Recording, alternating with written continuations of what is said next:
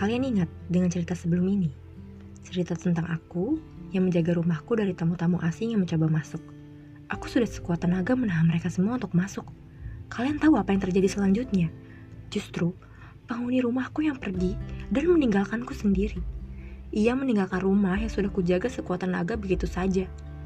Sekarang, rumahku kosong dengan tamu-tamu yang berteriak meminta masuk. Aku bingung, harus kuapakan rumah kosong ini?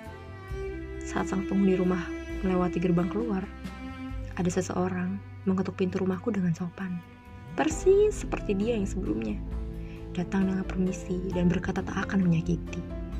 Dulu juga penghuni rumah ini berkata demikian, tapi kenyataannya ia dengan permisi keluar lagi.